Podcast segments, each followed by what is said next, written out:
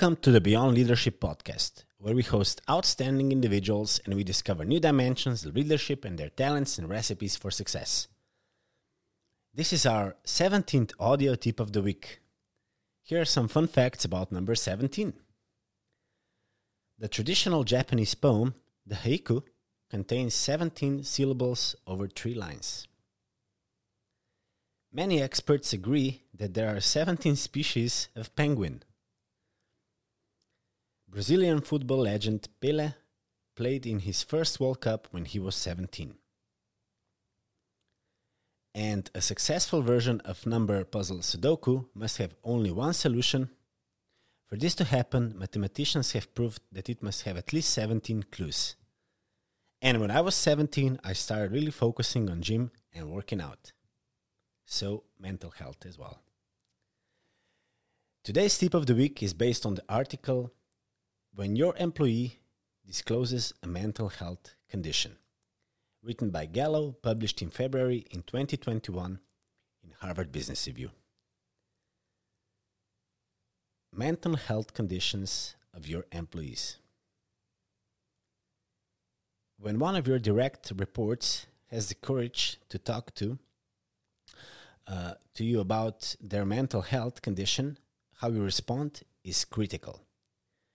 You want the person to know you appreciate them, sharing while also reassuring them that their job and your perception of them are not at risk. At the same time, you need to figure out what impact, if any, this will have on your team and their workload. What do you say right away? What questions do you ask? How do you decide what accommodations, if any, to make?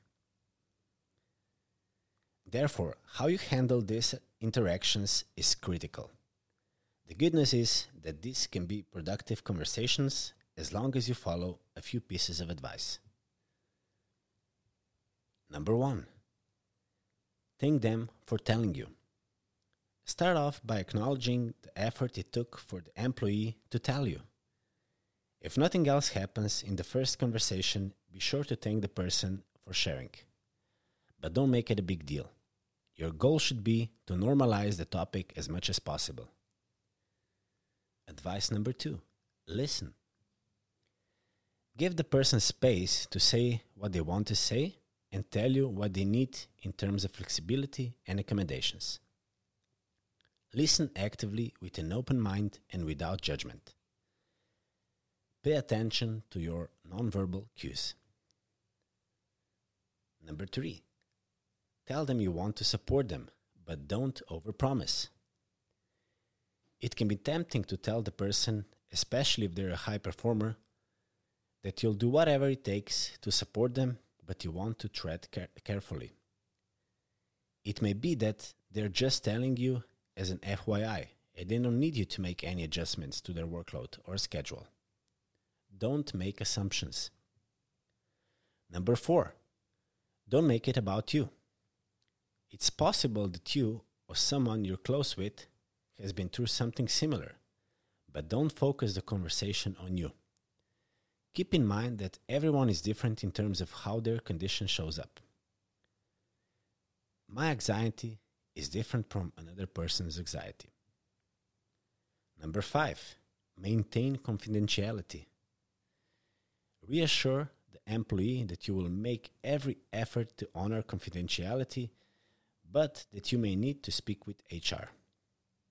In some cases, the employee may give you permission or even ask you to let others know. Number six, consider what changes you can make. There is a variety of things that your employee may want or need so that they can take care of their mental health. These might include keeping different hours, working alone or in a group, taking time off to see a doctor, or having occasional mental health days. Number eight, ask for help from others. This person came to you because you're the manager. It's not your role to be their therapist, doctor, or a lawyer. Don't offer health or legal advice and don't try to figure this out on your own. Number nine, refer them to other resources if available. There may be other resources inside your company that you can refer them to. You can also direct them to any mental health benefits that your company offers, such as therapy or meditation apps. And final advice make yourself tellable. Ideally, we'd all work for a manager whom we felt comfortable talking when we need help balancing work with our mental health. Unfortunately, that's not always the case. But you can make it more likely that people will come to you by being a role model. So, what do you do about your mental health? Have you ever found yourself in a situation that you need to help your employees? This was this week's tip of the week. Make sure to subscribe and follow us on all podcast channels like Spotify, Apple, Google, Castbox, and also follow us on YouTube, LinkedIn, Instagram, and Facebook. Till next time.